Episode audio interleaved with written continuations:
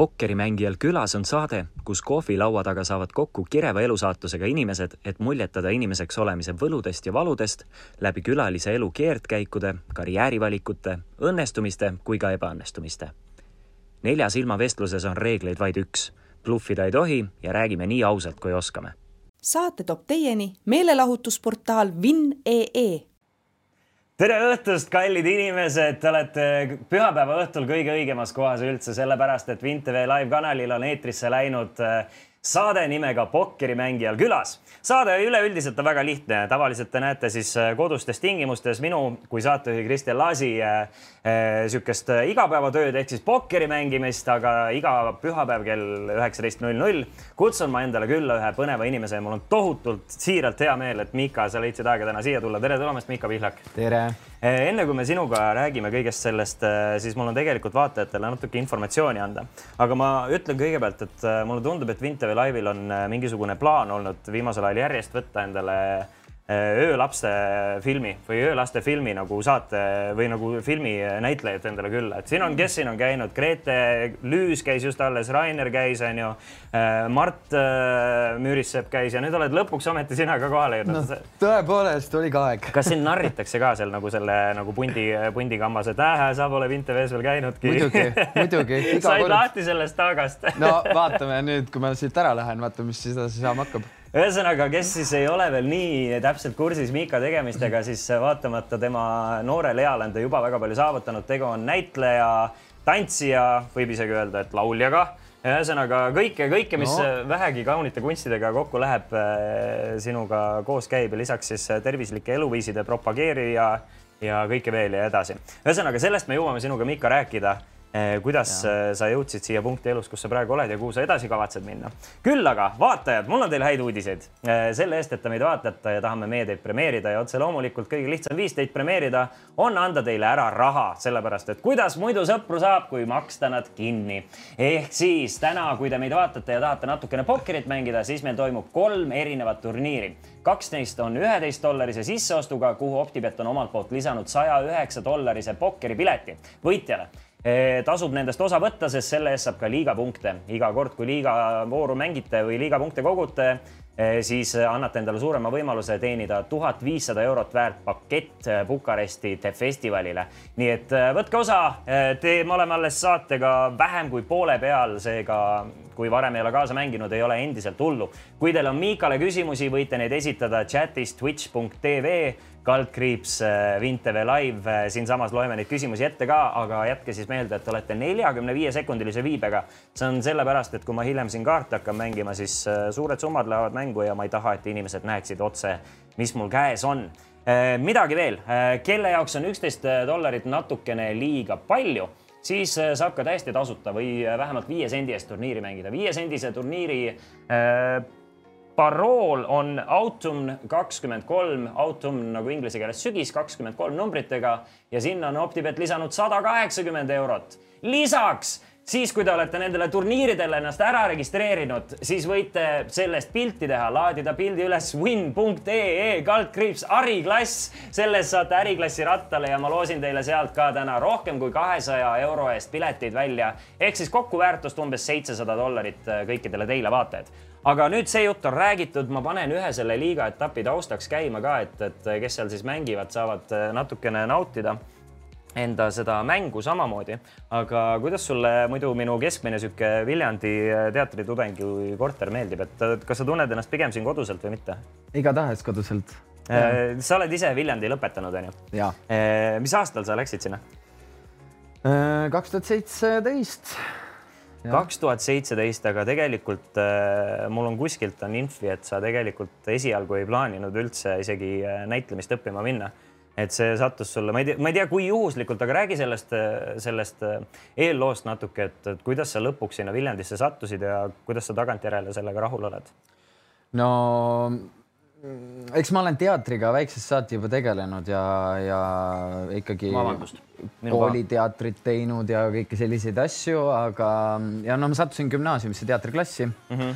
aga ma, jah, ma võtsin alati teatrit ja näitlemist kui oma hobi, et see on nagu põnev asi, millega tegeleda, vaba aega sisustada, aga ma kuidagi ei osanud seda vaadata no, niimoodi, et see võiks olla minu töö. kas kooli ajal sulle need õppejõud juba ei rääkinud ka, et, et oi, Miika, sina kindlasti pead minema, sinul on nii palju seda antud, et, et kindlasti pead katsetama? no eks mingil määral võib-olla läbi käis nagu ikka, et noh, et kuna juba, kui sa õpid gümnaasiumis teatriklassis, siis sa mm -hmm. oled sellega nii äh, läbi ja lõhki seotud, et, et ta käib läbi ikka mm. -hmm. aga samal ajal noh, ma räägin, et ma, ma olin kogu aeg sellises kohas, et ma ei kujutanud ette, et minust peakski nüüd saama näitleja, see on minu hobi ja mulle meeldib vabal ajal sellega tegeleda ja mul olid täiesti teised huvid, sest et ma mõtlesin, et tööle peab minema ikkagi päris tööle, ma pean ikkagi nagu tööd tegema. et ei saa nagu tilu lillutada. just, just, et mis see tähendab nüüd, et käin proovis ja mängin etendust, et see ei ole töö.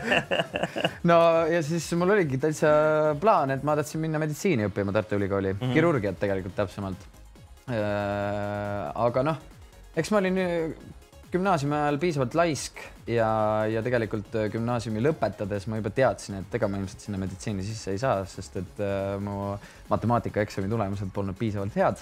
see on vist päris oluline, see matemaatika osa seal äh.... nüüdseks hetkeks ma ei tea, kas see on vist muutunud, aga tollel hetkel küll, no mm -hmm. matemaatikaeksam praktiliselt nagu oleneski kas sa sinna kooli saad või mitte yeah,. Yeah, yeah. ja, ja suurem osa nendest, kes sinna sisse said, olid kõik sajapunktilised, nii et nagu mm -hmm, noh, millest me üldse räägime. sinna on üldse vist kõige tihedam konkurents üldse, kui sa tahad äh, arsti minna õppima Tartusse onju. minu seda... teada, ma ei tea, kas on mingi, võib-olla mingi juura on rohkem, aga, aga see on täiesti pöörane, et, et sa pead ikkagi noh, lisaks sellele, et väga terav olema, sa pead ka ilgelt töökas olema juba noorest, noorest äh, peast saadik onju vähemalt äh, nii palju, kui ma tean või neid, kes sinna sisse on saanud ja rohkem neid, kes ei ole sinna sisse saanud ma pöördun korraks äh, esimese vaataja küsimuse juurde ka, enne kui me lähme, ma natukene hüppan siin sinu ja. ajajärkudest nagu lähen kahekümne pealt, lähen siis viienda eluaasta peale, siis kahekümne viie ja nii edasi. aga, aga esimene vaataja küsimus tuleb lihtsalt väga oluline, see on kõikidelt meie külalistelt, kes on nelja aasta jooksul meil käinud, on ära küsitud. see on meie moderaator Pervat Turjan ja küsib, Miika, kuidas on sul suhe discgolfiga?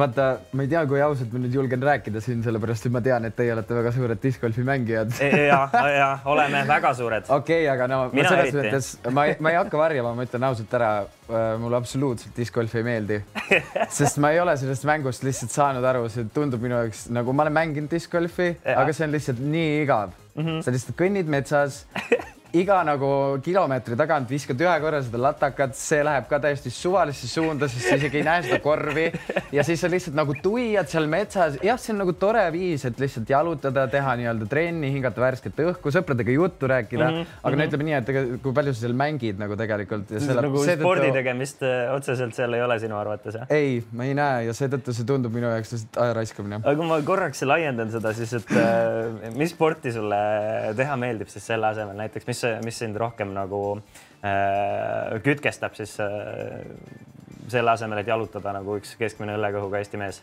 no selles mõttes, kuna mu eriala ja töö, nagu sa ütlesid ka, ma ei ole ainult näitleja, vaid ma tegelikult olen ka tantsija ja koreograaf, siis äh, sellega ma tegelen päris tihedalt ikkagi ja trennisaalis olen ma oma töö tõttu praktiliselt igapäevaselt nagunii aga äh, muidugi ma teen nagu lisaks ka ja, ja tavaline tervises, tervisesport, mulle meeldib jooksmas käia.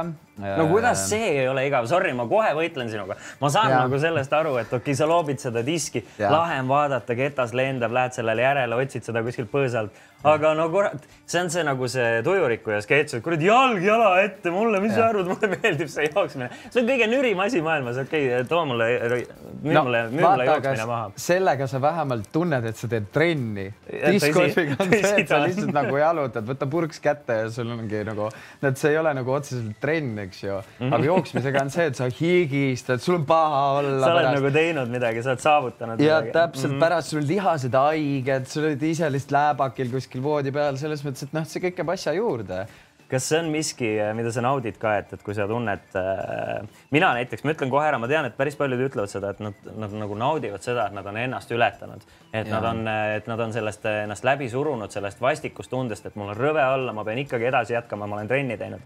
mina olen üks neist inimestest, kes ei naudi seda, et ja ma olen selle ära teinud ja siis mul on ikka peale seda paha olla, siis ma mõtlen, noh, vabandust et miks mul oli üldse vaja nagu sinna, sinna jooksma ja. minna, kui ma mingi kolm päeva ägisen peale seda. noh, väikeste kunstiliste liialduste väärtustega siis onju. aga sa oled ka üks nendest inimestest, kes naudib protsessi enda, enda proovile panekut ja ületamist. no mina olen täielik masohhist mm., ma naudin väga lihasvalu äh, ja kõiki nagu selliseid asju, see piiride ületamine ja kõik see minu jaoks väga teemas ja ma väga naudin seda. see on, see on minu jaoks alati väga selline noh, sümpaatne, kui inimesed tõesti on, saavad ja noh, seda pidevalt veel teha ka noh et äh, minul on alati probleem, et jah, ma võin ennast mingi kolm-neli korda ületada ja siis on nagu see, et mhm. okei okay,, ma teen, ma sain selle nagu satisfaction'i kätte sellest ja enam ei ole vaja, okei okay,, anname alla, onju, et, et ma, ma alati imetlen neid inimesi, kes suudavad jääda millegi juurde, mis ei ole lihtne ja seda pidevalt teha. et äh, ma alati olen endale seda pahaks pannud, et ma lähen lihtsama vastupanu teed et ma üritan seda alati mm. muuta ja tänu sellele, et ma suhtlen ka motiveerivate inimestega, seda nagu lihtsam seda kohati teha on. aga ma ütleks ka, et see on tegelikult harjumuse asi kui sa hakkad seda tegema, siis sa harjud sellega ära ja tegelikult sulle hakkab see meeldima. jah, tõsi. kuigi ma tegelikult täiesti olen kindel, et on ka selliseid inimesi, kellel lihtsalt see ei lähegi peale mm, -hmm. neile ei sobigi see ja, ja nii on. aga, aga, aga ma ütleks, et noh, et inimene on üsna selline ähm, nagu mäletseja nagu lehm et kui mm. sa talle ikka midagi sisse söödad, siis ta ikka harjub sellega lõpuks ära ja ta nagu tõsi ta on, tõsi ta on, ma just hiljuti siin rääkisin ka sellest, aga ma toon sellesama näite, et, et ma käisin äh, käisin äh, ühe kuti juures äh, grillimas, kes siis ütles, et nagu just suvaliselt jutu käigus ütles, et aa, et ma jooksin eile sada kilomeetrit. Ja tüüp ongi siis nagu äh, must ka koolivend meil, Ande kes siis ongi nagu, eh, nagu ultramaratonide ja kõige selle jooksja ja nagu noh, ja, ja ma olin šokis sellest, et ma mõtlesin, et ta nagu, kuidas ta suudab üldse istuda peale sellist eelmist päeva onju, et suudab istuda, juttu rääkida, isegi hukakat mängida meiega, kui vaja onju. et, et nagu, et tõesti, ta ütles ka, et on lihtsalt harjumuse värk, et inimene harjub lõpuks kõigega, taastub kõigest väga kiiresti. et minu jaoks, ma olen seda näidet nüüd viimastes saadetes mingi kolm korda toonud, aga mulle lihtsalt meeldib seda näidet uuesti tuua, see on nagu silmi avab minu jaoks. aga ma lähen korra sinu juurde tagasi Äh, ma lähen sinu juurde tagasi või lähme korraks täiesti algusesse, sellepärast see jäi meil äh, tõesti rääkimata, et sa sündisid, äh, sa ei ole ei Tallinnast otseselt pärit, sa sündisid päris väikses kohas on ju, või, või kasvasid üles Koerus, kus on umbes siis tuhat elanikku. kaks tuhat. kaks tuhat lausa, no okei okay., kaks tuhat elanikku ja, ja siis äh, kuidas see koeru elu sul lapsepõlves möödus, räägi natuke sellest lapsepõlvest ka. väga lahedalt minul oli väga lahe lapsepõlv, sest et sa elad väikses külas, sa käid äh, õues kogu aeg, noh, mina olin veel ju see, selle aja laps, et meil ei olnud veel neid nutitelefone, arvuteid ja kõiki neid mm, -hmm. ehk siis ongi hommikul ärkad üles, lähed aga sõbrale ukse taha, viskad kivi taga aknasse, halloo mm, -hmm. et kas, kas Harivald võib õue tulla või noh yeah., ühesõnaga käid kogu aeg või siis lauatelefoniga helistad ja ja siis ega meie veetsimegi praktiliselt terved päevad õues kogu aeg ja igasuguseid asju sai seal ju välja mõelda ja selles Aga, mõttes see oli lõbus. kuidas see sõpruskond teil äh, välja kujunes, kas äh, see oli puhtalt, kuna teid seal nii vähe oli, palju teil seal neid äh, sinuvanuseid lapsi oli või kõik, kes vähegi alaealised olid, need hoidsid nagu kampa ja või elukoha järgselt või? kusjuures väga palju, väga palju oli lapsi, kellega mängida ja Oli. seltskonnad ikkagi vahetusid ja no vahepeal olid ühtedega sõber, siis olid teistega sõber ja selles mm -hmm. mõttes, et ega no ei olnud nüüd päris see, et sa elad nagu kuskil tühermaal niimoodi, et järgmine maja okay, on nagu tegelikult... kolm kilomeetrit ma ei tea, miks ta on ikkagi alevik selles mõttes yeah. see on normaalne, inimesed elavad, meil on kultuurimaja, meil on pood nagu, meil on isegi pubi. noh, et see on nagu normaalne okay, koht. ma võib-olla veitsa nagu tõesti räägin nagu liiga hüperboolist, sest ma olen ise ka Tabiveere seda lapsepõlve veetnud, mis on umbes samas suurusjärgus koht ja ma ei ole kusagil mujal nii palju lapsi näinud, kui Tabiveres oli, seal olid nagu kõik kohad olid lapsi täis, sellepärast et noh, maakohale oma äh,, maakohale omaselt siis äh, tavaliselt iga sihuke noorpere sai umbes kuus-seitse last ja see, tänu mm. sellele neid palju oli, onju. Äh, kas, kas sul õdesid-vendasid on või? on, mul on kaks venda ja üks õde ehk siis sa oled ka suhteliselt suurest perekonnast pärit. kas sa oled neist noorem, keskmine, vanim? ja meil on neli last ja me oleme kõik päris suurte vahedega, mina olen kolmas mm, -hmm. mul on ehk siis mul on vanem vend ja vanem õde ja siis mul on noorem vend.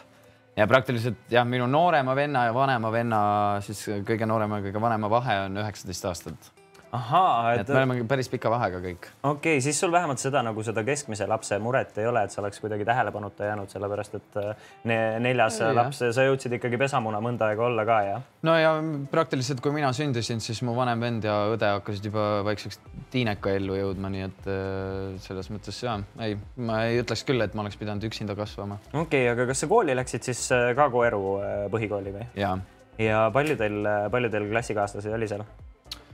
Oi, seda ma nüüd küll ei mäleta. no meid oli ikka, ma arvan, no mingi kakskümmend või. ikkagi sihuke korralik ja, klass. normaalne nagu klass jah uh,. All right kuhu ma nagu kõige sellega sihin, on see, et, et mis ma olen tähele pannud läbi enda külaliste ja tutvusringkonna, on see, et, et jube palju siukseid igavesti talendikaid inimesi tuleb mingitest nagu väikeküladest ja väike, väikekohtadest mm., et ma mõtlen, et alati olen mõelnud, et et kuidas see nagu seotud on, kas see on nagu kuidagi see, noh, selles peab ju mingisugune nagu seos olema, et just nagu noh, teatrimaailma satub neid, et, et kes sündisid kus iganes koerus on ju ja et, et kas see on siis sellega seotud, et tänu nagu võib-olla nagu niisugusest suuremast tehnoloogiast, et ei olegi kogu aeg nutiseadmetes ja nii edasi. et äh, tänu sellele see kuidagi kujutlusvõime äh, lasi rohkem nagu lapsepõlves areneda või kas sul on mingisugune teooria ka selle kohta, et miks see nagu tundub ebaproportsionaalselt palju on, äh, on nagu selliseid näitlejaid tulnud just väikeküladest ja linnadest kui selle asemel pealinnast on ju? No üles kasvanud? siin on päris mitu aspekti, ma ütleks, esiteks ma tegelikult arvan, et ei ole päris niimoodi, et nüüd väikeküladest tuleb justkui rohkem äh, nii-öelda nagu kultuuriinimesi või neid, kes kunstiga tegelevad. ma arvan, et lihtsalt äh, väikestest kohtadest pärit inimesed äh,, neil on lihtsam silma paista mm., sest nad on väikses kohas mm -hmm. ja seal nad paistavad nagu välja, aga Tallinnas, kui siin kõik nagu koos on näiteks või linnades, noh, et siis neil on keerulisem välja paista, sest et neid andekaid tüüpe on nagu rohkem korraga mm -hmm. ühes kohas Mm -hmm. et selles mõttes ma tegelikult arvan, et ta päris võib-olla paika ei pea, aga noh, ma arvan, et see kõik tegelikult algab juba, juba noh, mingil määral geenidest, sellega, millised vanemad, kuidas see kõik kaasa tuleb. mina näiteks enda puhul mäletan seda, et kuna ma hästi palju mind hoidis lapsepõlves vanaema mm. -hmm. ja mu vanaema oli väga, ta oli ka kunagi õpetaja olnud ja, ja ühesõnaga lastega hästi palju tegelenud ja tema oli näiteks selline, kes mõtles mulle välja kogu aeg hästi palju siukseid mänge, kus ma pidin kasutama oma mingi fantaasiat ja kujutlusvõimet mm. -hmm. et ma pidin kogu aeg noh, kas panema midagi kokku, tegema midagi oma nagu kätega kogu aeg ja noh, kõik on selline nagu hästi palju siukseid loovülesandeid ta andis mulle ja ma mäletan, et see oli nagu minu jaoks väga lahe ja ma noh, mulle sobisid muidugi ka sellised, ma arvan, et ma olingi lapsest peale juba üsna selline loominguline inimene, mul ikkagi fantaasia ja kujutlusvõime nagu lendas kogu aeg. et, et jah kui on lihtsalt mingisugused need asjad, mis aitavad sul sellel kujutlusvõimel veel rohkem nagu avaneda, noh mm -hmm. siis ilmselgelt tuleb kasuks hästi palju. aga kas sa arvad, see, et see silmapaistmine, ma korraks ikkagi, ma ei lase veel nagu, ma jään korraks sellele, et, et neil on lihtsam silma paista mm. -hmm. kas see on siis, äh, on võimalik, et äh, siis võib-olla nendele, et kuna nad paistavad kergemini silma, antakse ka rohkem võimalust ennast äh, väljendada ja särada siis. et, et nagu sa ütlesid, võib-olla suurlinnas on ju, et on neid andekaid rohkem ja mõni, kes võib-olla oleks võinud kasvada andekamaks, aga lihtsalt ei ole saanud võimalust, ma ei tea, kas esineda konkursitel või mm. teiste ees või nii edasi, siis nad on selle nagu äh, võib-olla rohkem unarusse jätnud või ma, või ma praegu noh, ma lihtsalt küsingi sinu arvamust, et, et ma siin. ei, ta võib olla täitsa nagu võimalik. sellega seoses nagu. ei, täitsa võimalik selles mõttes küll, et noh, vaata, seal on ka jälle nagu ma ütleks mitu tahku. ühtepidi mm -hmm. ma ütleks ka, et mina, kes ma olen väikses kohas kasvanud, siis äh, ühtepidi ma tundsin, et mul ei ole võimalusi mm, -hmm. sest et äh, näiteks noh, ongi, et mind hakkas väiksest saati juba köitma näiteks tants mm, -hmm. aga mul ei olnud võimalusi väga ennast kuskil arendada, sellepärast et väikses kohas meil ei olnud tantsustuudioid, meil ei olnud nagu noh, mingeid trenne, kus sa saad käia, võtta erinevaid asju ja linnad on ka nagu kaugel, et, et ei saa kogu aeg nagu käia kuskil trennis ja see, sellest ma näiteks tundsin puudust, et ma mm -hmm. taha, väga tahaks ennast arendada, aga ma ei saa ja mul ei jäänudki muud üle, kui ma lihtsalt võtsin saali ja ma hakkasin ise isiklikult tegema tööd, ise ennast treenima okay.. Äh, et selles mõttes ma tundsin, et võimalusi ei ole. teisipidi jah, ma olen nagu nõus sinuga, et võib-olla need inimesed ähm, kellel siis on nagu rohkem sellist loomingulist poolt, et neile ka antakse rohkem võib-olla seda nii-öelda tähelepanu ja seda võimalust nagu mingisuguseid asju siis äh, ära proovida, ära teha, ennast nagu ennast teostada nii-öelda. et, ähm, et mina ka näiteks öö, äh, äh, mulle ikkagi väga palju anti mingisuguseid võimalusi, et teha näiteks noh, ma kuna mu ema on ka tantsurühma juhendaja, siis ja ma tantsisin lapsest saati oma ema nii-öelda rühmas, siis mingi hetk ma lihtsalt emale ütlesin, et kuule, mul on nüüd endal ka teema, idee, et ma tahan ka tantsijatele ära teha mm -hmm. ja mu ema ütles, et no muidugi tee. aga noh, noh, et kui ma näiteks oleks Tallinnas nagu sellises kohas, noh siis et ma ei see... ole päris, et ma lähen kuskile stuudiosse ja olen ma nagu mingi, ma tahan teile koreo teha.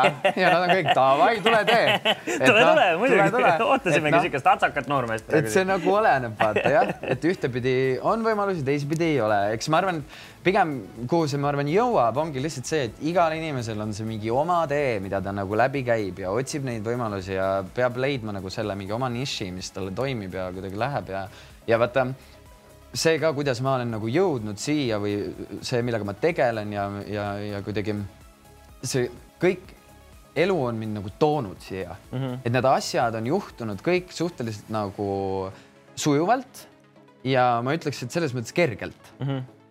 ja selle tõttu ma olen nagu sellel veendumusel, et järelikult see on õige asi sest et elu on lihtsalt ise on viinud. et ju siis oled õigel teel selle kohaga ja. ja liigud edasi ka loodetavasti sama õigel teel. täpselt, sest kuidagi tundub, et nagu selline nagu tee, mis muidugi tihtipeale käib asja juurde, mille sees ma pean hullult nagu rassima ja nagu vaeva nägema ja kõik tuleb hästi raskelt mm -hmm. ja nagu see tekitab minus alati nagu seda küsimust, et nagu kurat, vabandust, aga et Ei, kas see, võid, et kas see on kurat. siis nagu õige asi yeah.? noh, et, et kui ma pean nagu kogu aeg pisarad silmis, higipull otsa ees nagu. aga on sul tegema, mingisugust siis, no? näidet kohe tuua, kus sa oled nagu olnud selles olukorras, kus sa tunned, et sa nagu ujud täiesti vastuvoolu, et see ei ole nagu päris õige suund, mis sa valisid ja tänu sellele ka nagu ma ei tea, kas siis, kas siis sealt läbi pressinud või vastupidi saanud aru, et, et sa pead äh, midagi muud tegema tegelikult on küll ja praktiliselt just äh, pool aastat tagasi mm.. ma olen hästi pikalt töötanud äh, treenerina, tantsutreenerina ja nüüd äh, talvel jaanuarikuust otsustasin ma treeneri ameti maha panna mm.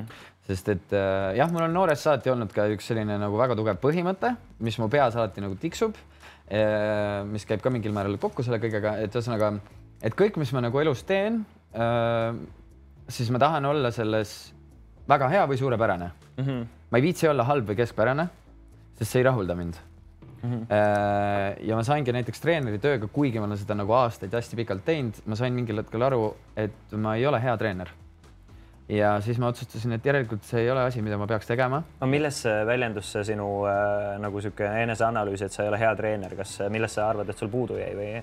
või mida sa ei tahtnud endasse edasi arendada või ei olnud sulle meeldiv? ma olen suhteliselt selline nagu maksimalist ja ma arvan, et nagu põhiprobleem, äh, mis lõpuks lihtsalt hakkas mind nagu häirima või millega ma sain aru, et noh, et see ei toimi nii hästi, on see, et ma lähen nagu isiklikuks mm. oma nagu näiteks äh, lastega või nagu keda ma treenin näiteks, et selles mõttes, et ma võtan ise hästi isiklikult ja südamesse seda mm., kui näiteks äh, mul ei tule trenni lapsed, kes on sada protsenti nii, ma olen nüüd siin trennis ja davai, ma tahangi keskenduda ja ma tahan õppida ja blablabla bla, bla. mm. -hmm. ja mulle tekib see kohe selle tunde, et aga kurat, siis ma ei viitsi siin treenida ka yeah Ja, et ja, nagu, aga samal ajal ma pean nagu ise kogu aeg mõistma ka seda, et nagu laps, kes käib mul trennis, käib veel koolis, käib veel muusikakoolis, käib veel kergejõustikus, käib veel, teeb toda, toda, toda, toda. ilmselgelt ta ei jõuagi pühenduda kõigele sada protsenti, aga vaata, see on see mingi õpetajate kiiks et nagu kui õpilane tuleb sulle tundi, siis sa tahad, et just sinu, sinu tund on see, mida ta naudib sada mhm, protsenti mhm, nagu, mhm, just see on see, mida ta nagu tahab teha.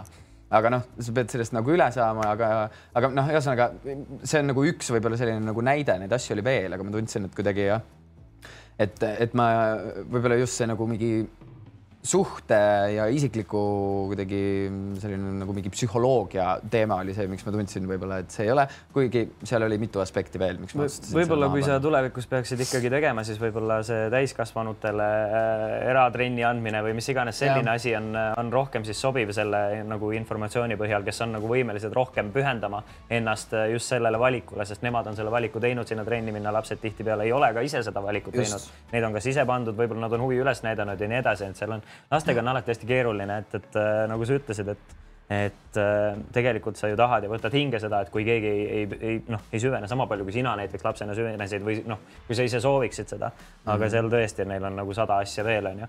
et ma arvan, et sa tegid õigesti, kui sa mõtlesid, et, et võib-olla siis äh, mõneks ajaks või vähemalt praegu noh, et kui see tundus vastuvoolu ujumisena. no just, seal oli veel erinevaid aspekte ka, aga nagu ja. üks oli see. aga, aga räägime korraks sellest tantsimisest ka ja see on nüüd see noh ma arvan, et see on peamiselt see põhjus, lisaks muidugi sellele, et sa oled äh, fantastiline näitleja, nagu juba väga kihvte rolle teinud, on see see põhjus, et kui ma umbes tund aega tagasi enne nüüd meie saate eetrisse minekut panin äh, Instagrami, panin siis postri üles, et Miika Pihlak tuleb täna külla, onju siis äh, umbes sihuke, no esimese kahekümne minutiga oli kolm-neli siukest äh, minu nooremapoolset jälgijat, siis minu lemmik, hurraa ja nii ootan, vaata. no see on ootamatu, peab ütlema. ja ma arvan, et, et tantsimine mängib selles osas ka väga palju äh, rolli, onju.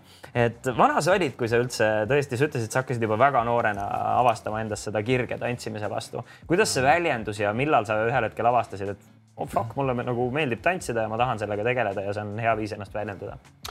no millal ma tantsima hakkasin, no ma olin, hakkasin kõndima, hakkasin tantsima ka praktiliselt. no mu mälupildid ulatavad nagu sinnamaale, kuni ma enam ei mäleta wow. millal ma tantsisin, et nagu lihtsalt muss peale ja lihtsalt improviseerid ja teed midagi mm. -hmm. sealt, sealt hakkas see kasvama, ma mäletan, noh, terve mu perekond on saanud, ma ei tea, tunniajaseid kontserte ja nagu lihtsalt ma panen ühe terve plaadi mängima, ma mäletan kunagi meil oli, meil oli Mika plaat ja, ja meil mm -hmm. oli, ma ei tea, mis erinevad plaadid, noh, paned selle mängima, aga terve al albumi lased ju läbi yeah., kõik laulud tantsid läbi yeah. ja ega yeah. pere vaatab, istub ja vaatab, ega sa neid ära ei lase.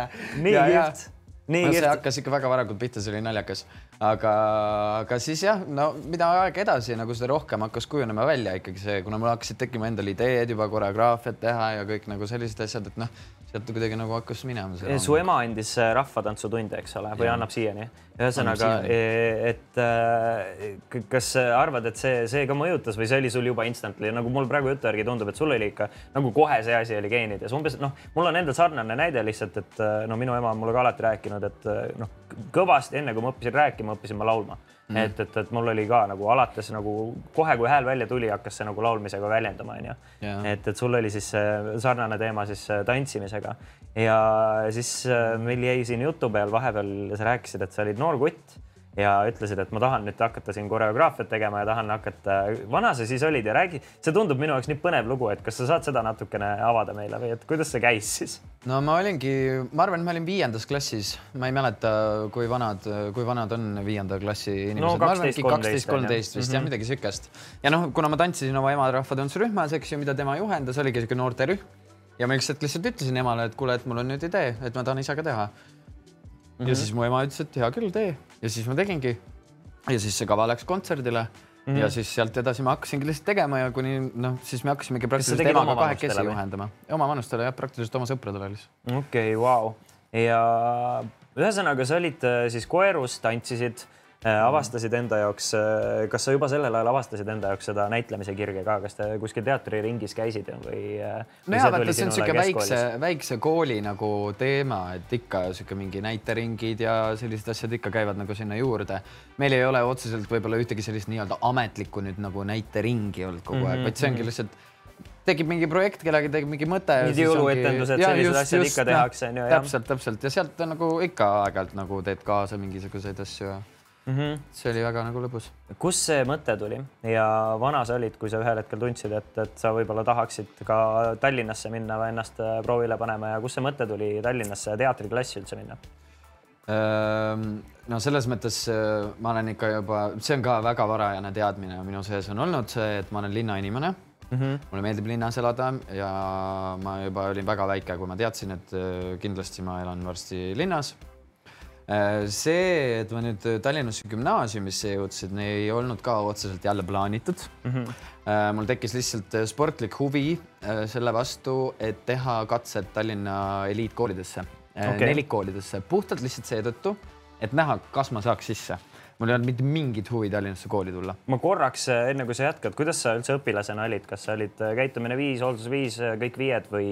no või... käitumine nüüd võib-olla viis ei olnud. käitumine aga... ei olnud viis, et aga ei, no ma pigem, ega ma, no ega mul oli hea pea tegelikult, pigem ma mm -hmm. õppisin põhikoolis suhteliselt hästi okay.. no no ütleme nii, et ei no gümnaasiumis ma õppisin ka hästi, no nii hästi, et lõpetasin hõbemedaliga. see on tõesti väga hästi. aga no ütleme nii, et ma nüüd, kui ma nüüd aus olen, siis hea küll, ma lõpetasin hõbemedaliga puhtalt ainult seetõttu, et ainult spikerdasin, kõik ainult spikerdasin. ma olin väga hea spikerdaja oh,. ja minul, mina arvan, et ma sain prantsuse keelest ka ainult läbi äh, spikerdamistele tänu sellele, aga okei okay,. Äh, see oli ka lihtsalt üks asi jälle, mille ma võtsin omale pähe mm. -hmm. ma lihtsalt äh, läksin gümnaasiumisse, võtsin omale pähe, ma lõpetan selle gümnaasiumi medaliga. ja sa tegid selle ära moel teisel onju. Äh, ühesõnaga katsetasid kõikidesse eliitkoolidesse, kuidas läks äh,? ei katsetanud. ei katsetanud? sest ma tahtsin katsetada mm., aga sel hetkel, kui ma hakkasin selle, seda uurima mm, -hmm. ma olin juba need maha maganud, need olid juba ära olnud okei okay,, okei. Okay.. ja siis, kuna mu naabritüdruk Koerust mm -hmm. siis oli just mõned aastad äh, varem nagu läinud Tallinnasse kooli ja tema oli läinud sellisesse kooli nagu Arte gümnaasium või? Yeah.. ja siis ma mõtlesin, et oh, siis see peab küll olema väga hea kool, ma lähen ka sinna. Ja tegin mm, -hmm. käisin seal ka katsetel, aga ma võtsin temaga ühendust ja siis mu naabritüdruk ütles, et kui siin on mõni inimene, kes on käinud Tartu Gümnaasiumis või käib seal, ärge tundke ennast solvatuna, igal juhul minu naabritüdruk ütles mulle, et see on väga halb kool, ära sinna küll mine. okei, okei. ja tema soovitas mulle kolmekümne teist ja mm -hmm. ma ei Mhm. olnud sellest koolist mitte midagi kuulnud ja siis ma läksin lihtsalt sinna katsetele, mõtlesin, et hea küll, ma lähen käin ära, et seal on teatriklass ka ja blablabla bla, bla. mitu vooru, kõik need teatrivoorud ja asjad käisin läbi ja siis juhtus nii, et sain sisse said sisse ja siis äh, sealt tekkis ka sihuke esimene sihuke tõsisem kokkupuude teatriga, ma eeldan, onju. No kas jah. põhimõtteliselt see sinu äh, Viljandisse ja nagu näitlejaameti selgeks õppimine, kas see oleks olnud ilma kolmekümne teise teatriklassita, ma küsin sult, mis sa arvad? kas oleks siin no vot, see on nüüd alati sihuke oleks on parem, parem kui poleks, eks ju, noh, me ei tea, mis, mis oleks saanud siis mm. -hmm. no ma räägin, vaata Viljandi katset tegin ma ka lihtsalt seetõttu, et ma teadsin, et ma ei taha võtta vaba aastat. Ja. aga miks just näitlejaks, miks mitte koreograafiks näiteks? sest et ma olen arvamusel, et Eestis ei ole koreograafina mitte midagi teha. arvad jah? ei ole tööpõldu nüüd juba vaikselt hakkab sükse... kasvama, aga ütleme nii, et noh, et Eesti enamik tantsijaid ja koreograafe või noh, koreograafid isegi mõned veel on, aga ütleme, enamik tantsijaid on tegelikult ilma hariduseta mm. -hmm. sest kõik lihtsalt kasvavad välja, nad kasvavad välja stuudiotest, kus nad juba hakkavad treenima, hakkavad juba tegema, et selles mõttes äh, sellega väga, ma ei leia, et see oleks väga nagu selline haridus, mis mulle väga palju midagi annaks. see, kas see pragmatism, ma ei tea, kas see on nüüd õige sõna selle kohta, aga niisugune pragmaatiline maailmavaade ja väga selline äh, konserv-, no mitte konservatiivne, aga, aga äh, selle koha pealt, et äh, see läheb ka sellega kokku, nagu see, see arstiteadusega oli, et, et, et nagu, et sellest ei ole mulle kasu, seega seda ma õppima ei lähe ja et ma tahaks ikkagi midagi, mis mulle garanteeriks ka mingisuguse leiva võib-olla lauale. näitlejaamet muidugi ka suhteliselt äh, sihuke riski business selle koha pealt ja riski võtmine onju, aga noh, alati on võimalik edasi õppida ja nii edasi ja ega ma arvan, et noh, näitlejaks sinna saada, esiteks palju, palju teie kursusel inimesi katsetas sinna, palju teid võeti, on sul meeles või? ma ei mäleta enam, Tavaliselt palju katsetas, üle saja oli kindlasti. konkurents on päris tihe onju. no teatrikoolidesse pigem üldjuhul on jah ja, ja vastu meid võeti, ma ei mäleta, kas kuusteist või kui, kuidas sa ennast praegu äh, pigem kirjeldaksid, kas sa oled praegu pigem näitleja või sa oled praegu pigem tantsija? muidugi saab mõlemad korraga olla, aga et, et mis sa arvad, et noh, lapsik küsimus võib-olla veidi, aga kumba sa rohkem oled või kummaga sa rohkem samastud? see on nii tore, minu käest küsitakse praktiliselt alati mm -hmm. seda küsimust mm, -hmm. kui ma mingit intervjuud või midagi annan. seega sul on kindlasti see vastus juba täiesti olemas ja, Ja võib-olla ka ajas muutub jah, praegu veel ei ole nagu muutunud, praegu on üsna nagu selge olnud kogu aeg. selles mõttes jah, kui ma nii-öelda ennast tutvustan või nagu ütlen, kes ma olen, siis ma ütlen kolm nimetajat, ma olen näitleja, tantsija ja koreograaf mm. -hmm. kui mu käest küsitakse seda, kumb ma rohkem olen, siis ma olen kõike mm -hmm. sama palju mulle meeldib vaheldus, mulle meeldib see, et ma saan teha erinevaid asju ja ma ei taha ennast defineerida ühe või teisena kui ma nüüd pean nii-öelda prioriteetide mõttes panema paika selle, et mis, kus, mida, siis selles mõttes esimesena täitub mu graafik erialastest ehk siis näitleja erialastest töödest mm. -hmm. ja kui mul jääb aega üle, siis tulevad tantsu ja koreograafia tööd. prioriteedi mõttes on see paigas nagu niimoodi, aga selles mõttes ma ei ütle seda, et ma olen üks rohkem kui teine. ja okei okay,, väga arusaadav vastus ka selle pealt no kui ma küsisin natukene, rääkisin enda sõpradega ja lähi, lähikonnaga juttu, et, et mida nemad tahaksid Mikalt teada, siis äh, läbiv teema oli äh, noh, kõik need erinevad äh, ägedad äh, teleprojektid, kus sind alati on näha, no põhimõtteliselt iga jumala kord, kui noh, ma väga palju televiisorit ei vaata, aga kui ma käin kas kuskil auhinnagalal või, või mingit suurt teleprojekti vaatamas, siis on see, see, see asi on alati kindel. näe, Mika, see oli Mika Mika teeb seda ja sa oled nagu päris palju nende suurte projektidega seotud on. kas sul on meeles ka, mis su esimene selline, selline suurem teleprojekt oli või sihuke sinu jaoks suurem nagu tantsijana siis selline ettevõtmine, kus sind kutsuti, et, et kuule, meil oleks vaja back-up tantsijat? Eesti Laul. Eesti Laul aasta oli siis? eelmine aasta või? eelmine aasta, sa räägid Eks siis sellest äh, Uusküla Unicornsist? ei, ei., mitte nüüd see aasta, vaid eelmine aasta. eelmine aasta ikkagi jah? eelmine aasta jah kes sinuga ühendust võttis, kuidas see, kuidas see välja nägi, kuidas see, kas sa, kas sa tead ka seda, et kuidas sa sinna sattusid ja kui kiiresti see jah tuli sinu poolt? no tegelikult oligi ju niimoodi, kui ma Tallinnas õppisin siin, siis ma tegelikult juba hakkasin nii-öelda tantsijana vaikselt projekte ja asju tegema. Äh, nii-öelda juba hakkasin raha teenima tantsueriala mõttes ka, aga kui ma läksin Viljandisse õppima, siis neli aastat oli minu jaoks tants täiesti kadunud, sellepärast mhm. et teatrikool oli nii tihe ja mul lihtsalt ei olnud aega, mul ei olnud võimalust ja no see oleks olnud võimatu mm -hmm. praktiliselt, aga ma tundsin sellest väga palju puudust. ja nii kui ma tulin tegelikult kohe, kui ma kooli lõpetasin, ma tulin Tallinnasse tagasi ja praktiliselt ma üritasingi hakata uuesti jälle käima lükkama seda, et ma saaks selle osaga oma erialast ka tegeleda, sest ikkagi see köidab mind palju ja, ja selles mõttes ega ju mu kõik tutvused ja need, kes ära minnes mulle jäid, olid kõik alles ja ma uuesti hakkasin käima jälle trennides ja võtsin endaga ühendust ja sealt jälle läks see nagu ratas nagu veerema.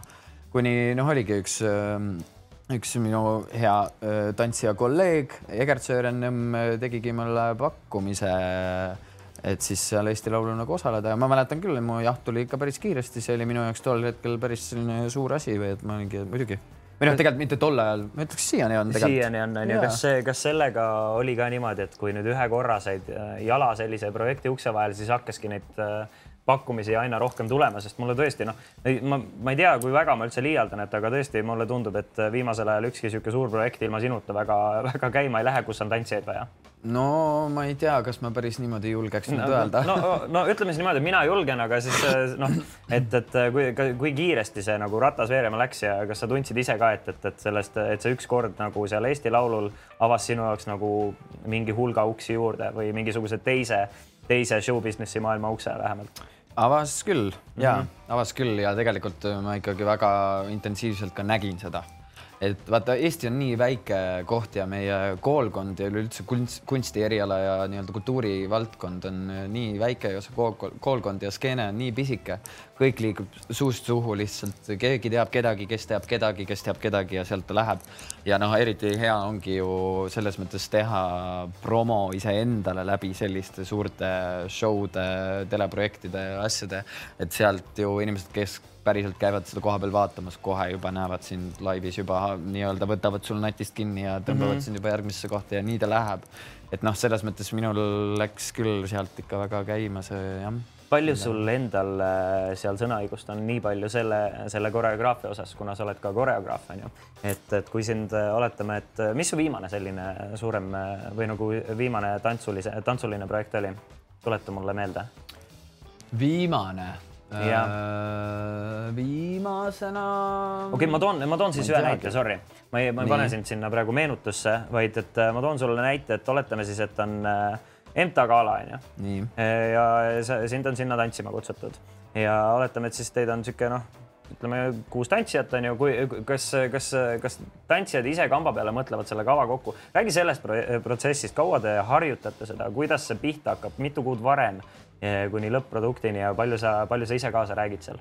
vaata, see kõik nüüd oleneb mm. -hmm. kõik oleneb projektist, kõik oleneb äh, produktsioonist, kõik, kust see tuleb ja mis iganes. minu puhul on hetkel niimoodi, et ma kuulun Eestis hetkel kahte produktsiooni mm, -hmm. kahte truppi üks on Utopia Entertainment, mida juhib Ingmar Jõela ja teine on Free Flow Production, mida juhib Alice Aleksandridi mm. -hmm. Uh, Utoopias olen ma selles mõttes ikkagi trupis. Jah, ma olen teinud paar koreograafiat nii-öelda ka sinna mingiteks esinemisteks, aga selles mõttes ma olen pigem ikkagi trupitantsija ja kõik projektid, mis sinna tulevad, siis meil ongi selles mõttes eraldi koreograafid, inimesed, kes nagu teevad, mina olen seal ikkagi selles mõttes puhtalt tantsija nimetuse all mm -hmm. ja, ja teen neid projekte, ehk siis äh, kui me räägime nüüd konkreetselt EMTA galast, siis EMTA gala, ei, see oli EFTA gala. EFTA gala oli see jah siis see oli nüüd konkreetselt Utopia alt, mis tähendab sealt mina, seal olin mina puhtalt tantsija, mina seda koreograafiat ei teinud ja mina nagu selles mõttes selle suurema bürokraatiaga seotud ei olnud, mina lihtsalt läksin, tantsisin. korra segan vahele, et, et kui sul on äh, nagu niinimetatud ma ei tea, kas heas mõttes või halvas mõttes ahelad külge pandud, kas see on sinu jaoks mugavam äh, koreograafina või, või on sul raske enda suu ka kinni hoida kohati, et ah, siin võiks ikkagi tegelikult natukene tsipet-säpet kuidagi teistmoodi teha või äh, kui lihtne sul neid juhiseid täita on, kui sa oled ise ka õpetaja rollis nii palju olnud? no ütleme nii, et jah, ma, mul on inimesena päris palju õppida veel mm. ega ma ei ole päris nüüd jah, sihuke väga-väga vaikne. mul natuke ikkagi see suu tahab nagu rääkida liiga palju vahepeal et äh, see probleem natuke on mm. -hmm. ja, ja see autoriteedi küsimused ja, ja need äh, natuke võib-olla sihuke kerge muie, kes kuulavad meid tagantjärele podcast'is, siis Miikal on sihuke mõnus muie suul samal ajal, et siis see on mingisugune asi, mille peale sa oled ilmselt ka varem mõelnud mingil hetkel, et, et või nagu eneseanalüüsi no, tehes on ju muidugi ja eks ta, ega ta ju tingib ja toob ka võib-olla mingisuguseid, mitte nüüd, et mul oleks olnud mingeid tohutult suuri probleeme. ma ei arva, et sul probleeme selle pärast aga noh, eks ta mingil määral ikkagi sisesuhteid võib-olla ta nii palju ei soojenda. aga, aga, aga noh. samas niimoodi on muidugi, ta võib-olla samas see on jällegi kahe teraga mõõk, on ju, et, et niimoodi on ka hea viis areneda, on ju kõrgemale, et, et kui ikkagi ja kui on ikkagi häid ideid, siis äh, oleks kurb, minul oleks alati halb meel, et, et oletame, ma hakkan mingit saadet ette valmistama ja keegi jätab mingi halva idee, ütle, hea idee ütlemata lihtsalt sellepärast, et äkki ma ei oska seda vastu võtta või mm. solvun selle äh, kriitika peale või siis, või siis tagasiside peale, onju. ehk siis jah, eks ta ole muidugi, et tuleb teada enda kohta mingil määral, onju, kuid samas, äh, samas jah. ja vaata, kõik oleneb muidugi, see on alati nagu super, kui sa trupiga koos nagu midagi teed ja alati, kui ka koreograaf, juhendaja võtab nii-öelda kuulda, aga, aga ma arvan, arvan, et minu puhul võib-olla, millest see nagu probleem tekib, on lihtsalt see, äh, kuidas seda esitada, neid mm -hmm. pakkumisi mm. -hmm. et äh, ma võin olla lihtsalt vahel nagu ma võin mõjuda ja tunduda väga järsk mm. äh,. ja see ei ole tihtipeale üldse minu nagu intentsioon, ma mm, -hmm. ma üldse ei taha seda võib-olla teha, aga see lihtsalt kukub välja niimoodi äh,. ja siis noh, see on võib-olla natuke see ehk siis tuleb õppida seda otsekohesust äh, serveerima veidike paremini sinu arv-, sa no ise arvad, jah? läbi sellesama selle muige, millest me räägime just, just, just, just, just. Äh, kaua see protsess, äh, kaua prooviprotsess aega võtab ühel sellisel, no ütleme siis EFTA galal? kaua te tegelete sellega, kuni see valmis saab, sest noh, mina, kes ma olen nagu tõesti nagu elevant on jala peale astunud, et, et, et no ma kujutan ette, et mul läks aasta enne kui ma saaks mingi tantsuga hakkama. No.. ma olen nagu mingites äh, laste muusikalides pidanud väga lihtsa koreograafia selgeks saama ja see on võtnud mul ikkagi noh, nädalaid. Et, et see selline nagu pöörane noh, muidugi noh, kui, kui sul on tase juba saavutatud, siis muidugi kõik need, mis minu jaoks tunduvad asjad, mis on täiesti ulmelised, mis te teete lava peal onju, et need võt, lähevad ka kiiremini, aga, aga mm. lihtsalt huvi pärast küsin kaua see aega võib võtta, niisugune prooviprotsess ja kui intensiivne see on? no see ka jälle nagu oleneb projektist alati, aga noh, ütleme, ma arvan, noh, keskmiselt, kuna ju kõik on tegutsevad tantsijad, professionaalid, siis äh, üldjuhul noh, ma arvan, maksimum niisugune nädala jagu proove, kui sedagi mm.. et noh, enamik asjad käivad niisuguse nagu mõne prooviga okay.. sihuke kaks-kolm proovi ja siis on nagu tegelikult juba hästi. kas sa oled kunagi mõelnud või on sulle pakutud, ma arvan, pakutud kindlasti on äh, neid äh, laevavarjetee truppe, vaata mingid dance act'id ja selliseid, et äh, kas see on sulle kunagi pinget pakkunud või oled mõelnud selle peale äh,? kusjuures pakutud ei ole. ei ole või? ei ja aga ma ei tahaks ka mm., sest et noh, see, seda peab tegema selles mõttes niimoodi ka täiskoha koha tööga, tööna mm. praktiliselt, aga noh, kuna mul on ikkagi teine eriala kõrval, mis on isegi prioriteetide mõttes natuke kõrgemal, et siis äh, ma ei saaks lihtsalt panna ennast lukku nagu nii palju, sest seal on see töögraafik nagu selline, et sa oled nagu kaks nädalat laeval, kaks nädalat maas, kaks mm -hmm, peal või noh mm -hmm., kuidas iganes, eks ju, et see teeb natuke elu keerulisemaks. minu arust ongi kahte sorti inimesi, on neid, kelle jaoks see tundub tohutult äh, põnev ja äge, just see laevatöö ja neid, kellele see üldse ei sobi, onju. mina lähen ja. ka pigem sinna, kes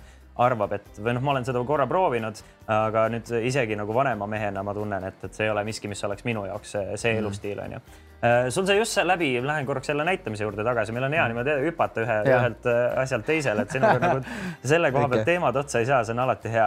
et äh, sul sai suvelavastus just läbi Otto. räägi sellest äh, lavastusest natuke üldse, kuidas seda suve tuuritamine on, kas te olite, andsite ühe koha peal seda või te käisite mööda Eestit seda andmas? ühe koha peal ta oligi vabaõhulavastus, ta oligi kohapõhine mm, -hmm. me mängisime seda Viru-Nigulas, Viru-Nigula pastoraadi õuel ja teemaks oli Otto Wilhelm Masing mm, -hmm. kes ongi siis päriselt kunagi Viru-Nigula selles pastoraadis elanud mingi perioodi oma elust ja seetõttu siis Viru-Nigula hariduse seltsi rahvas, äh, kuna äh, Otto Wilhelm Masingul oli just sel aastal nii-öelda juubel, siis selle tarbeks teha lavastus mm. -hmm. ja nii see sinna sündis ja lavastaja ja selles mõttes jah, lavastaja Jaune Kimmel, kes on noor Rakvere teatri näitlejanna Ähm, on tegelikult ju näitlejaks õppinud ja seekord äh, päris sellise piraka ampsu võttis omale, et ta oli lavastaja ja ka selle näidendi autor mm. -hmm. ta ka ise kirjutas selle, et ähm, ja veel Suveteater, mis on väga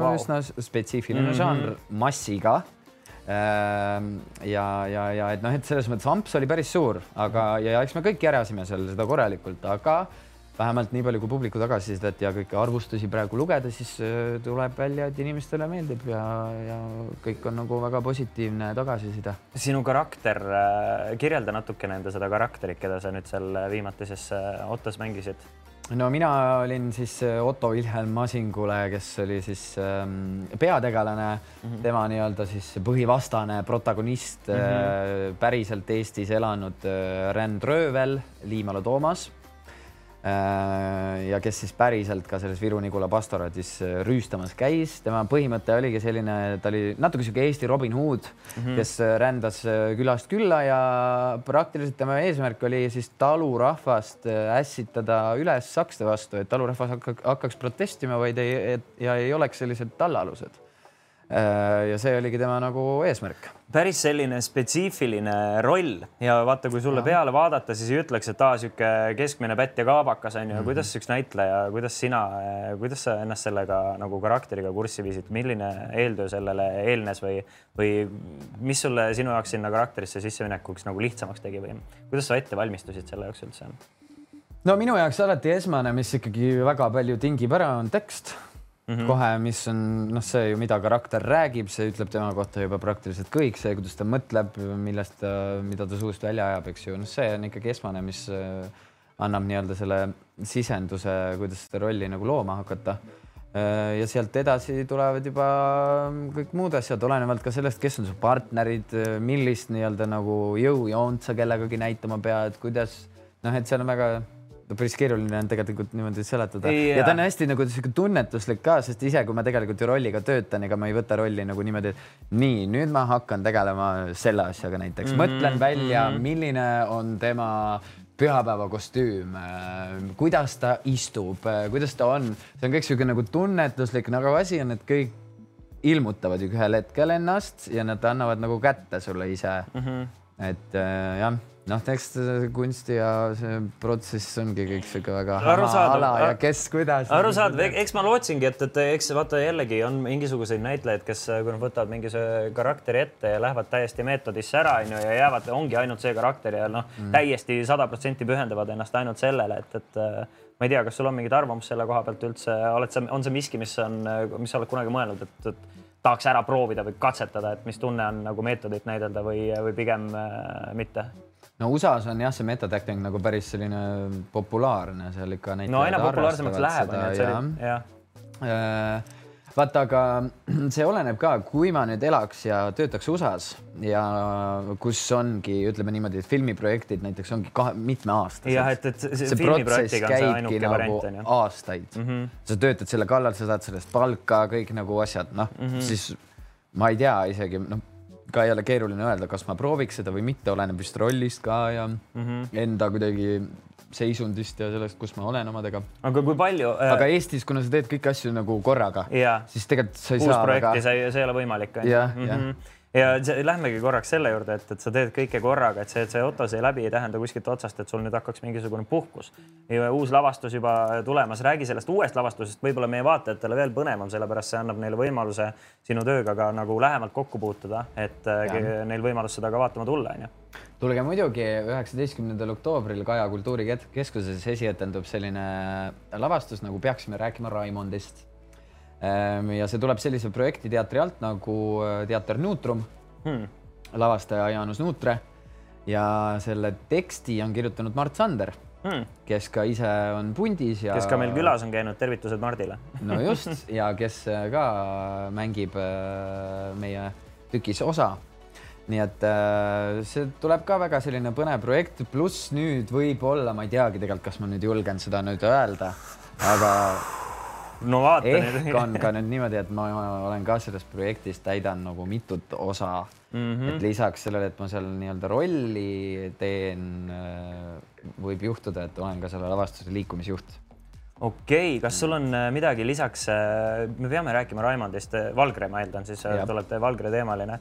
pealkiri on väga selline äh,, kurat, mis see sõna on, mis ma otsin Äh, no ütleme siis väljakutsuv, mul tuleb kohe sellega seos, me peame rääkima Kevinist mm -hmm. filmi ja raamatu näol on ju, mis on päris sihuke karm raamat, et äh, tahaks kohe, põnev on näha, mis sellest välja tuleb, aga aga on sul veel midagi, mis, kuidas su sügis üldse välja näeb, kuidas on ühe keskmise näitleja, tantsija ja koreograafi sügisene graafik? no kuna ma olen vabakutseline kõiges, mis mm -hmm. ma teen, siis mu graafik on alati väga muutlik ja, ja kõik alati selgub vahel viimasel minutil, vahel juba aastaid ette et nagu oleneb kõigest. aga praegu septembris konkreetselt hakkama tööle nüüd kahe protsessiga korraga, mul tulebki nii-öelda just kaks lavastust korraga praktiliselt välja suhteliselt samal ajal ka. üks ongi siis Peaksime rääkima Raimondist, mis tuleb üheksateist oktoober ja teine on äh, Circum Absurdum, mis tuleb äh, Utopia Entertainmentiga ja mille lavastajaks on Ingmar Jõela ja see tuleb välja siis Noblessneris äh, ja see tuleb välja kaksteist oktoober mm. -hmm. nii et äh, praktiliselt kahed proovid hakkavad nüüd paralleelis käima, pluss äh, nipet-näpet esinemised siin-seal ja, ja veel siuksed sutsakad ja otsad. sul on veel äh, tohutult pikk karjäär ees, võib julgelt öelda, et sul kõik karjäär on alles alguses, onju no,. ja juba päris siukse ereda leegiga põlemas, aga mis on miski, kuhu poole sa praegu ise tunned, et mille poole sa püüdled või mida sa saavutada tahad oma valdkonnas? ja valdkondadesse isegi mm,? no ütleme nii, et eks äh, muidugi nagu ma, mul on alati olnud hästi nagu selles mõttes suured ambitsioonid ja ma tahan alati, ma ei, ma ei lepi nagu vähemaga ja mul on, ma olen, noh, ongi nagu ma ütlesin ka, ma olen suhteliselt maksimalist. Ma ajan taga kogu aeg nagu suhteliselt sellist nagu viimase peal ja hästi viimistletud detailset nagu asja Äh, see on minu jaoks kuidagi, noh, see pakub mulle lõpuks nagu rahuldust, natuke sihuke OCD võib-olla on mul mm. -hmm. ja ma ei tea, kas see on hea või halb, vahel hea, vahel halb.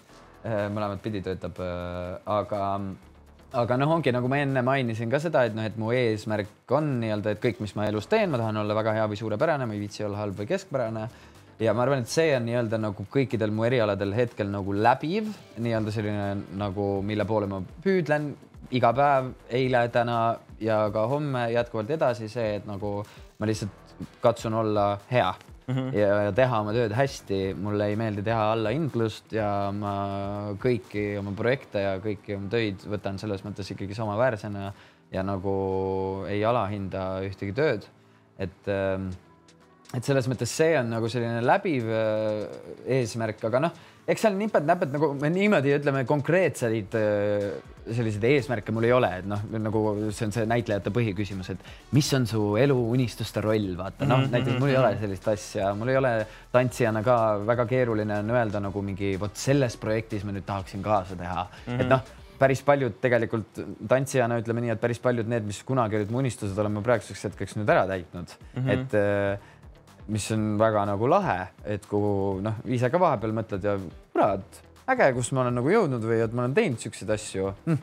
et nagu lahe, aga, aga noh, vaatame kogu aeg, mis nagu edasi tuleb ja ma ei tea, ma olen sihuke go with the flow ja mm. -hmm. kui palju sind ja. Äh, motiveerib äh, teiste inimeste tunnustus või äh, on sinu jaoks oluline ainult iseendaga rahulolu?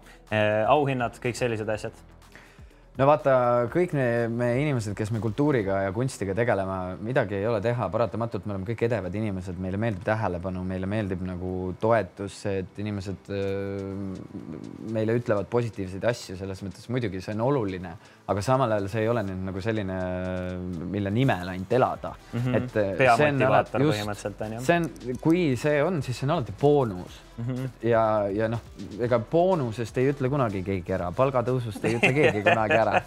aga nagu selles mõttes, et see ei ole nüüd see asi, mille nimel ma igapäevaselt tööd teen mm. -hmm. et noh, esmalt ikkagi tööd teen ma selle jaoks, et mulle meeldib mu töö, ma naudin oma tööd ja mulle, ma nagu, ma tahan minna tööle ja, ja noh, ongi, et see pakub endale ikkagi rahuldust, kui ma saan mingisuguse asja ära tehtud, ära täidetud, leian mingi, saan mingi rolli kätte, saan mingi esinemise tehtud, no mis iganes, et eelkõige ikkagi endale, aga. kui palju sul kasus? see kuklas on olnud üldse, et oletame, et on sul, on sul sellist olukorda ka olnud, et okei okay,, sa teed mingi projekti ära ja sa ei noh ma ei tea, kas sa ei jää nii rahule või, või, või, või vastupidi, et sul on kogu aeg kuklas, et kurat, see, see tuleb hästi, sellele tuleb hea tagasiside. et nagu kui tugev intuitsioon sul tavaliselt nagu mingit projekti kaasa tehe, tehes on, et oletame, et sa teed, on ju suvelavastust oot ja mm -hmm. siis samal ajal, kui see asi juba käima läheb, enne kui see käima läheb, sa, sa juba tead, et see noh, see peab minema hästi peale, see peab saama hästi tunnustatud ja nii edasi või siis vastupidi, on, on mõni, mõnikord sulle üllatusena ka tulnud, et oh ma ei oleks osanud arvatagi, et seda nii hästi vastu võetakse. ja on mõlemat pidi. on jah? ja on ka väga neid projekte, mille puhul sa juba tead, näed läbi, see nagu lööb läbi igatahes mm. -hmm. on neid projekte, mida sa selles mõttes teed võib-olla ja tead, et see ei löö läbi, aga teed ikka. ja on ka neid, mis on totaalselt üllatavad, arvad, et läheb nagu see lööb läbi, aga no vapše ei jõua kuskile ja ka vastupidi, et need, neid on hästi erinevaid selles mõttes.